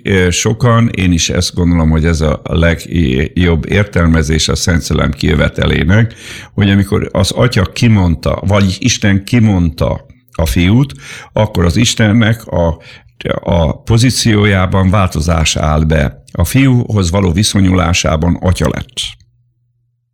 Érted? Tehát addig nem atya volt.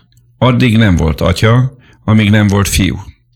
De miután kimondta a fiút, és mivel hogy az Isten teljes mértékben birtokolja magát, képes önmagát kimondani, tehát kimondani a teljességét, konkrét személyben, tehát reprodukálni képes magát. De ezt egyszer csinálta. Ezért nevezi a Biblia a fiút monogenésznek. De viszont amikor kiár, ki jött és, és különálló személy lett az Isten egysége az megmaradt, mert nem egy más természet jött létre, hanem az atya ö, ö, lakozik a fiúban is. Jézus ez világossá tette a földi szolgálata alatt, amikor kérdezték tőle, úgy mutasd meg az atyát. Azt mondta Jézus, hát aki látott engemet, az látta az atyát. Mert az atya bennem van. Mert nem lehet. A, hát a fi, fiú az az atyától kapja a természetet. Tehát teljes mértékben. Nincs más. És a, utána még egy fontos dologot látunk a Bibliában, hogy az atya végtelenül szereti a fiút. Ezért mondja szeretet fiúnak. Tehát egyszülött és szeretett. Na most a szeretetnél meg az a jellemző, hogy a, létező az nem marad meg önmagánál, hanem kiárat. Kijön magából. Hát csak gondolj az emberi szeretetre is. Hogyha szeretsz valakit, akkor valami kijön belőled. Cselekedetben, adásban, személyiségedben. Hát így történik meg visszatérve házasságra, hogy, hogy ketten lesznek egyek. Tehát a, csak a szeretet tudja a szellemet, az ember szellemét egyévé állni. Testi fizikai területen a szeretet nélkül is le lehet egyesülni, de az nem házasság. Erre mondja a Biblia, hogy együtt, együtt háltak. De a, a, arra, amit a, a, a a, ami tartalmazza a szellem, egy nő, akkor így mondom, egy nő és egy férfi szellemének és a lelkét és egymás irán vagy kölcsönös kitárulkozását és egységesülését, ezt mondja a Biblia megismerésnek. Aminek a tetőpontja a fizikai egyesülés is, de ebben benne van a szellemi és a lelki kitárulkozás. Hogy egy személy kitár. Tehát ez az egység. Tehát hasonlóan kell látni, amikor a, például a Biblia azt mondja, hogy halljad Izrael, az, úr, e, az Isten egy úr, akkor ugyanaz a kifejezést használja az e, ehad, vagy az e, e, kifejezést, mint az házasságra, hogy ketten lesznek egyek. Tehát ó, itt elsősorban ez a kifejezés azt jelenti, hogy egység, hogy ugyanaz. Tehát nem az egyetlen egységre vonatkozik, hogy egyetlen egy valami, hanem ugyanaz. Tehát gyakorlatilag az atya ugyanaz, mint a fiú, a, a, vagy a fiú ugyanaz, mint az atya, legalábbis a megtestesülése e, előtt, mert az atyának a természete valósult meg a fiúba, az reprodukálódott benne. És e ő rá, az atya teljes szeretettel nézett rá, és ennek a szeretetnek az, az lett a gyümölcse, hogy ki jött belőle a Szent Szellem. Ezért a Szent Szellem mindig az atya-fiú közösségében van meg, és mindig az a célja a Szent Szellemnek, hogy behívja például az embereket az atya-fiúnak a közösségébe. Állandó kritika a, a kereszténységgel szemben, hogy a Szent Háromság az most akkor több istenit, vagy egy istenit. Így van. Azoknak, akiknek, én, én ezt nagyon sokáig, sőt, azt hiszem, hogy talán nem tudom, hogy ez nálad hogy van, hogy egyre jobban megérted, ahogy mész előre az életpályádon, és, és azt mondod, hogy hát ezt még mindig, még mindig egyen jobban most ma megértettem, mint ahogy eddig gondoltam volna, vagy ezt egyszer megérti az ember, és akkor meg van értve most ilyen csúnya magyarsággal, de aki mondjuk nem érti, ezt nem tudja elképzelni, mert ez annyira egy szellemi dolog, hogy ezt nem lehet, ezt nem lehet fogalmi szinten elképzelni, hogy hogy tud a három egy lenni, annak mit javasolnál, hogy hogy tudja ezt jól megérteni? Hát először is mond, újra mondom, hogy a kif, eredeti kifejezés az elsősorban egységet vagy ugyanazt jelenti. Tehát ez ha, ha, a, például a házasságra kapcsolatosan, mert most sajnos földi példákkal tudjuk csak illusztrálni, amelyek nem tökéletesek sohasem, de amikor azt mondjuk egy nő és egy férfi eh, bibliai házasságáról, hogy elhagyván férfi az ő apját, anyját, ragaszkodik az ő feleségéhez, és ketten lesznek egyek, és amit Isten egybekötött ember ne válasz a széjjel, akkor miről beszél a Biblia? A, a, a, hogy megmarad a, a nő és a férfi két különálló személynek. Világos? Uh-huh. De ott létrejön egy egység, ami azt mondja Isten, hogy ezt Isten hozta létre, és pontosan a házasságnak az a misztériuma, hogy az emberek is ezt az egységet műveljék, őrizzék, védelmezzék, ne törjék meg. is súlyos bűn a házasságtörés. Mert Istennek a tervével szembe megy. No, mert az a célja pontosan, hogy ez egy isteni igazságot illusztráljon a Földön. Ezt szerintem most, most, most értjük akkor. Tehát hasonlóan az atya és az Isten, atya és a fiú, annak azt állítom, hogy Isten.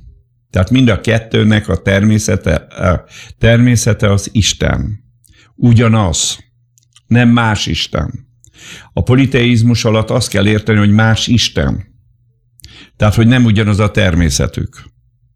Az egyik a gyűlöletet, és a másik a vihar istene, a tenger istene, a bölcsesség istene, a, a, akár a görög mitológiára gondolsz, egyiptomi mitológiára, babiloni mitológiába, minden a, a világ elemének van istene. És ezeket imádták. Ez, egy, ez a politeizmus.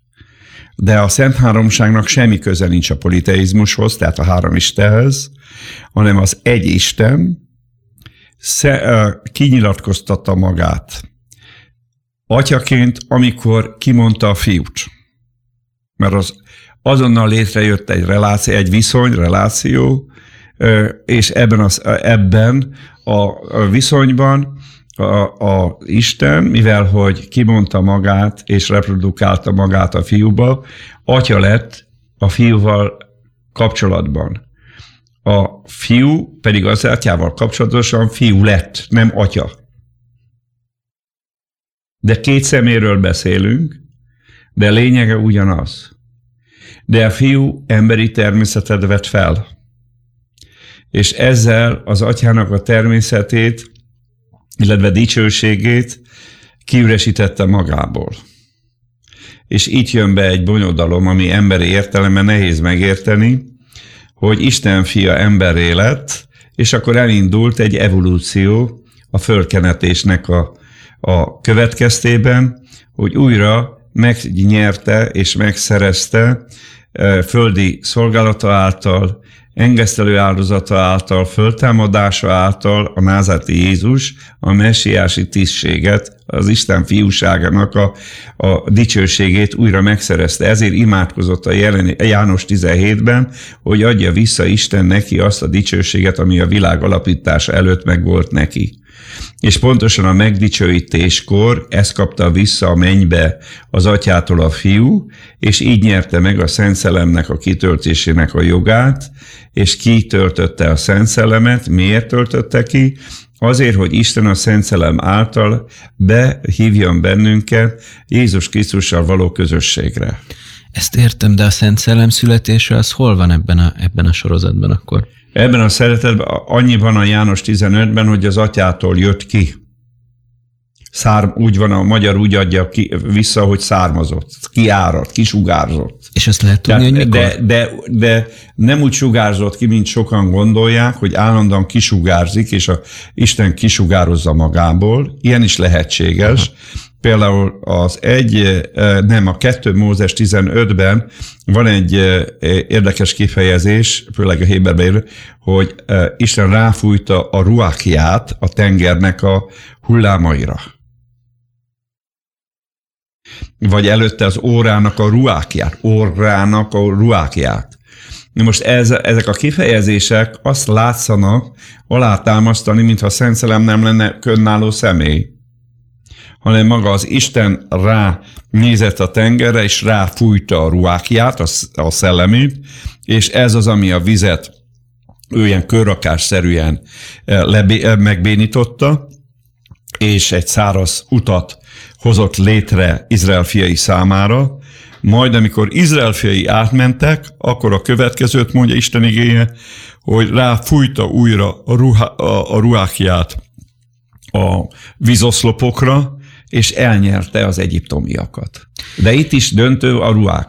De most esett le, hogy ez az a rész, amikor, de ezt a magyar valahogy úgy adja vissza, hogy és az úr erős északi, vagy valamilyen irányú Nem, szelet támasztott, ott van a ruák. Órának a leheletét, így le, lehelettel adja vissza a ruákot. Ha, érdekes. A 2 Mózes 15. Érdekes. És de azt, hogy a Szent Szellem mikor született meg, azt lehet tudni? Örökkévalóságban. Ez a, egy, egyet tanul, nem tud könnyű megtanulni, hanem inkább azt mondom, Máté, hogy fogadj el. Hogy az időből hihetetlen nehéz következtetni az örökkévaló eseményekre. Tudod? Szóval egyszerűen az idő, a mostani idő az azóta van, óta az Isten ezeket az időjelzőket létrehozta és elhelyezte a horizonton. Napot, holdat, csillagokat, meg a Földnek a mozgását meghatározta. De előtte, hogy mi volt és hogy volt, ezt nem tudjuk, de én nekem az a meggyőződésem, hogy létezett az ősföld, és az idővel kapcsolatosan a Biblia titokról beszél. De hogy, hogy ősföld? De egyet, egyet biztos, hogy lehet tudni az időről, hogy nem független az örökkévalóságtól, és alapvetően az örökkévalóságba fog torkolni, és az örökkévalóságot szolgálja. Ezek nagy titkok, ezt ne, nehezen ö, lehet megérteni. Tehát ezért, ezért például akkor jön ki a probléma, az akkor szembesülünk a problémával, amikor például próbálják meghatározni a Földnek az korát. És hát ez a korszak kb. Hat, tehát az Ádám leszármazottaira számára teremtett világ körülbelül 6000 éves.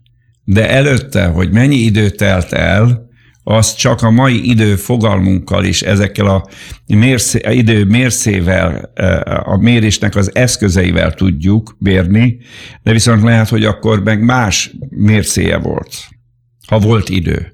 De az is lehet, hogy nem volt idő mindig, mindig olyan zavarba ejtő, mikor már nem a hitéletünk kapcsán, mert, mert a Biblia az végül is csak tényleg erről a 6000 évről beszél nagyon részletesen, de mikor ilyen sok millió éves dinócsontokat, meg, meg ilyen teljesen milliméter pontos csavarokat, és nem tudom miket találnak, amik szintén ilyen sok millió évesek. Én azért relatív ö, ö, állás, állításoknak nem azt mondom, hogy hazudnak, hanem az a, az a, az a, a feltételezése, hogy a mostani idő mérőnek a mérő, a Biblia ugye mérő zsinort mond, hogy azt vetítik ki, holott a, ez, ami, ahogy most mi mérjük az időt, erre az ajóra vonatkozik. Ezt az ajont így lehet mérni. És más ajont meg máshogy lehet mérni. És még ezen a, ebben a korszakon belül is ugye megvan most a napokra, vagy a hónapok, éveknek a holdév, napév, és a Bibliában ugye holdév szerepelt. A, én is azt gondolom, hogy a pogányok ideje az a napév, és majd az ezer éves királyságkor meg vagyok róla győződve, nem napévben számolnak, hanem újra holdévben fognak számolni. Most felolvasok egy nézői kérdést, mert megint teljesen megfeledkeztünk a kedves, kedves nézőinkről. Szilvia kérdezi, hogy a Szent Szellem alá van rendelve az emberi akaratnak. Emberi akaratnak nincs alárendelve Szent Szellem. A Szent Szellem Jézus Krisztus szolgálja. Az emberi akaratot kell alárendelni Jézus Krisztussal, de van olyan, egyébként ne, jó, okos kérdés, uh-huh. hogy amikor Istennek az, a felkentjei akarnak valamit, tehát csodát cselekedni, mert látjuk ezt Elizeus profétánál is, Illis profétánál is, Mózes profétánál is, Jézusnál is, hogy az emberi akarat, szent embereknek az akarata kezdeményezheti a csodát. Látszatra úgy tűnik, mintha az emberi akarat irányítaná a Szent Szellemet, de mivel, hogy olyan szoros az egység az emberi eh, szellem és az emberi lélek és a Szent Szellem között, hogy amit az ember akar, azt azonnal a Szent Szellem jóvá hagyja mert hiszen már eleve is a Szent Szellemtől származott talán. És ugye ezért nehéz eldönteni, hogy most a csodák a Szent Szellem munkái, vagy emberek tesznek csodát. Ez van is egy ilyen kérdésem, hogy azok Krisztus csodák, Krisztus cselekedetei voltak, vagy a Szent Szellem csodái, amiket ő csodákat létrehozott. Ez, ez megint Egyet egy... ugye nem könnyű rá válaszolni de a, a Jézus csodákat nem tett mindaddig, amíg a Szent Szellemmel fel nem lett kenve. Miután kijött a pusztai kísértésből, azt olvasok, hogy visszatér Szent Szellemnek az erejével. Én azt gondolom, az ő állapota akkor olyan lett, hogy az egész személyisége, szelleme, lelke, teste belülről, kívülről el lett áraszva Isten szellemének az erejével, kenetével, és egy szoros egység jött létre, elválaszthatatlan egység jött létre a fizikai szelleme, lelke, teste és a Szentlélek között. És ezért a csodáiban a csodáit úgy mondjuk Jézus cselekedte, tehát itt van az emberi természet, és ugyanakkor ezekben mind, mind megvalósító, végrehajtó hatalom és végrehajtó láthatatlan hatalom és erő, az a kenet volt. De kettő elválaszthatatlan. Miért? Mert a kenet nem működik emberi ter- akarat erő nélkül. Az emberi erő vel meg nem lehet, és emberi szellemmel nem lehet csodát cselekedni. Mert a csoda az Istennek a munkája. Tehát olyan dolgok, amelyekben manifestálódik Istennek a képességei. És Istennek a képességei felülhaladják az ember képességét, angyalok képességét, minden teremtménynek a képességét, hála Istennek az ördögnek a képességét, a halálnak és a pokolnak a képességeit és hatalmát is felülhaladja Istennek a képessége. Tehát éppen ezért a csodákban Isten ezt a felsőbbrendűségét, erőfölényét eh, demonstrálja, a, a, és többféle módon tudja, akár angyalok által, de legtöbbször a, a, az Isten igéje és a Szent Szellemnek az egységes munkája által. Az új szövetségben az ige testélet, emberi természetélet.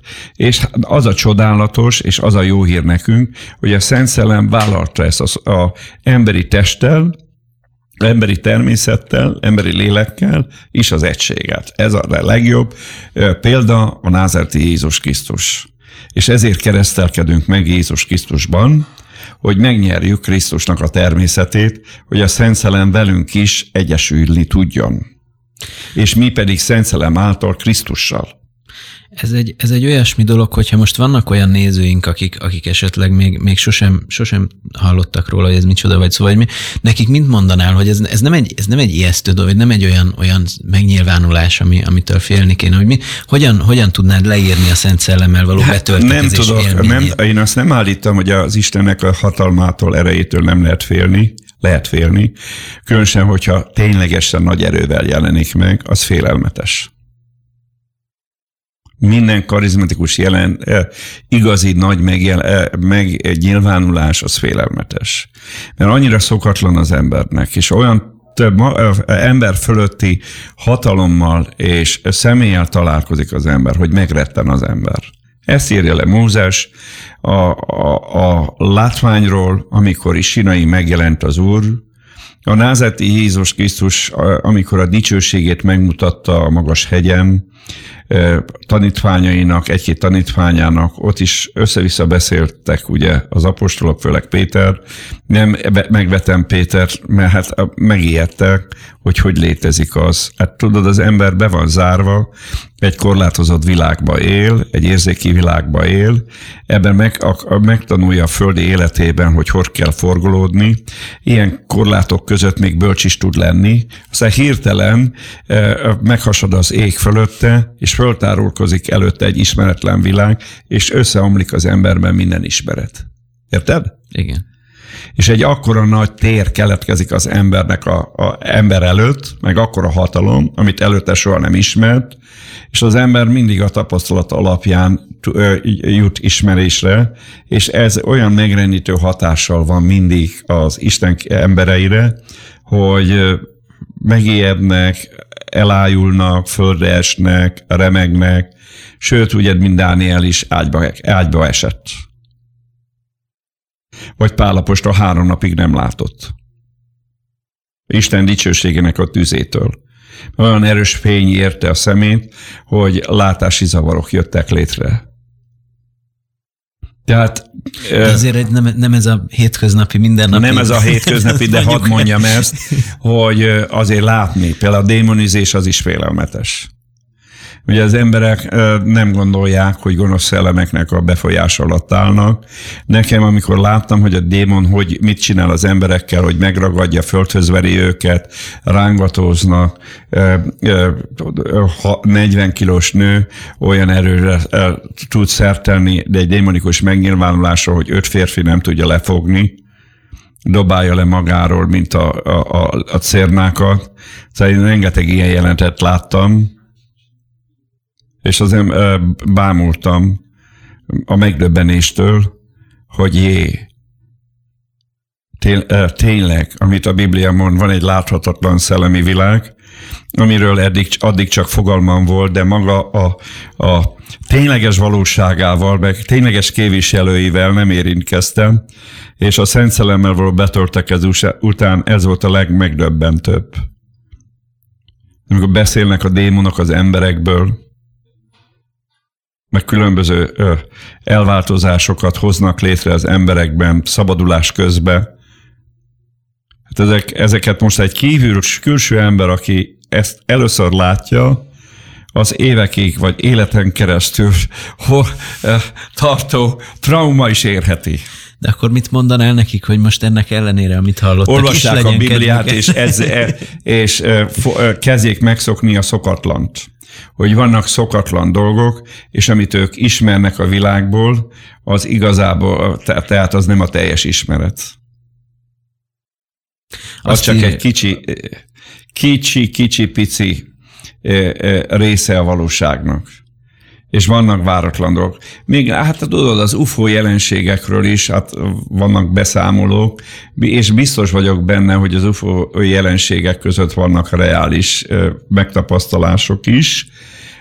Nagyon sok kamu van benne, meg túlzások, meg hazudozások, meg képzelgések, de egyértelműen vannak tényszerű események, és akik ilyent átélnek, azok évekig tartó lelki megrázkodtatásokkal mennek keresztül. Hát valakinek megjelenik a sátán, az ördög. Az vagy, vagy szövetséget köt vele, Faust, ma ugye egy fauszti kultúrába élünk, sajnos, ez a nyugati kultúrának ma ez a fő jellemzője, és vagy pedig elkezd félni tőle. Neked Meg... volt ehhez hasonló élményed? Közvetlenül személyesen, hála Istennek, az Úr kegyelmet adott, hogy nem jelent meg ördög, de volt látomásom angyalokról, ami megrendítő volt nekem. Nem, mai napság tudom megállapítani, hogy most Krisztus jelente meg, vagy egy angyali fejedelem, de egyet tudok, hogy az egész személyiségemet megrendítette, azon kívül rengeteg ilyen szellemi, démonikus, sátáni megnyilvánulást láttam, és természetesen a Szent Szellemnek a kitöltésének és az érzelmi, fizikai, spirituális megnyilvánulásait. De ha még van valami, akkor... Amik ugye történhetnek megnyilvánulásokban, tehát úgy mondanám artikulátlanságban, és a konkrét formában. És hát én arra törekszek, hogy konkrét formában, tehát hogy profitáljanak az emberek a Szent Szellem kitöltésében. Tehát gyógyulások, szabadulások, változások álljanak be az emberek természetében, mert ez a célja Szentléleknek. Hogy Jézus Krisztust kijelentse, mint, mint aki megbocsátja a bűnöket, üdvösséget ad, betegeket meggyógyítja, démonokat kiűzi, Szentlélekkel is tűzzel betölti az embereket jellemet formálja. Azt írják, hogy, hogy, hogy most már egy ideje jó lenne, ha befejeznénk, de azért még utolsó... Ki, ki írja ezt? Nem tudom. Jelentkezzen, aki... szóval minden esetre... Kamuzol uh, nekem, Máté. Nem, tényleg ezt írták. Igazából nekem kell mennem, nem viccelek, tényleg ezt írták. De nekem kell nem, nem kell mennem. És, és ráfogol a kedves nézőkre, vagy hallgatókra. Utolsó kérdés, hogy több csodát fogunk látni mostanában, szerinted? Minden lehetséges annak, aki hisz. Ha hiszel, meglátod Isten dicsőségét. Köszönjük szépen, ezzel búcsúzunk a kedves nézőktől és hallgatóktól. Ez volt a speciális rendkívül. Várjál, imádkozni szeretnék a hallgatók. És pont most akartalak ja, jó, hogy akkor nem kérlek. semmit. Illetve szólok, imádkozok.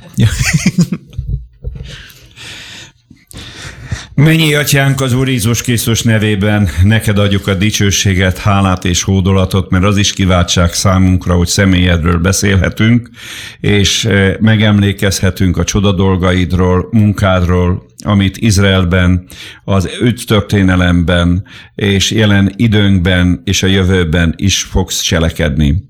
Köszönöm neked, Uram, a kedves hallgatókat, köszönöm Mátét, és az a kérésem, Uram, hogy Isten szelleme által érints meg őket, a rádió eh, hallgatókat, és á, árazd el a te természetfölti erőddel, kegyelmeddel, és add meg, Uram, hogy a szükségeiket eh, eh, töltsed be túlcsodoló módon.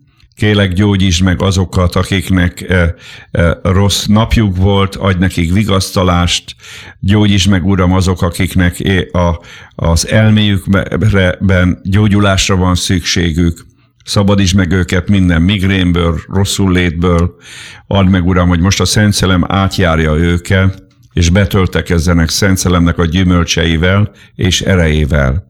És Jézus, te azért jöttél, hogy az ördög minden munkáját leromboljad. És az Úr Jézus Krisztus nevében most hatalmad veszek minden gonosz szellem fölött, adok fölött a gonosz szellemek fölött, amelyek egyes, a rádióhallgatókat fogságban tartják, és megparancsolom ezeknek a démonoknak, hogy a názerti Jézus Krisztus nevében hagyd el őket, hagyd el az elméjüket, hagyd el a testüket, hagyd el a szívüket, a názerti Jézus Krisztus hatalmas nevében. Azért imádkozok, Uram, hozzád, hogy újítsd meg a gondolatukat, az, az elméjüket, hogy Krisztus szerint gondolkodjanak, és elfogadják a te beszédedet személyükre vonatkozóan is, és ne a saját élet érzésük alapján határozzák meg azt, hogy kik ők, hanem, hanem elfogadják, hogy a te beszédet mit mond róluk, hogy kik ők Krisztusban, milyen örökségük van, milyen jogaik van és hatalmuk van ahhoz, hogy Istenek a javait ma birtokba vegyék. És kérlek, Uram, hogy áraz rájuk a gyógyításnak és a szabadításnak az erejét, és áll meg őket, Uram, kijelentésekkel, hogy Istennek a megismerésében tudjanak növekedni. Könyörgünk hozzád Magyarországért, Budapestért, hogy törd át a gonosz sátáni erőket Budapest fölött, Dunántúl fölött, Alföld fölött, minden város és minden település fölött, és árasz ki Magyarországra is az irgalomnak és a könyörületnek a szellemét, és emeld föl az embereket, hogy megismerjenek tégedet, megtérjenek, újjászülessenek, és az egyháznak, az élő egyháznak a tagjaivá váljanak. Köszönjük, Uram, hogy Te megígérted, hogy ahol ketten vagy hárman egyben gyűlnek a nevedben, Te ott vagy. Köszönöm a jelenlétedet. Köszönöm, Szent Szelem, hogy itt vagy. Köszönöm, hogy közel vagy a testvéreimhez, és bennük lakozol. Adj nekik békességed, adj nekik nyugalmat, újítsd meg a názati Jézus Krisztussal való közösségüket, és dicsőítsd meg Jézus nevét bennük, szívükben, lelkükben, testükben, foglalkozásukban, a názati Jézus Krisztus nevében, amely név áldott most és mindörökké, a mi Urunk Jézus Krisztus nevében. Amen. Amen. Köszönjük, hogy velünk voltatok, köszönjük neked is, Sándor, és hallgassatok Köszönöm a meghívást, Máté. Hallgassa mindenki a Hit Rádiót, sziasztok!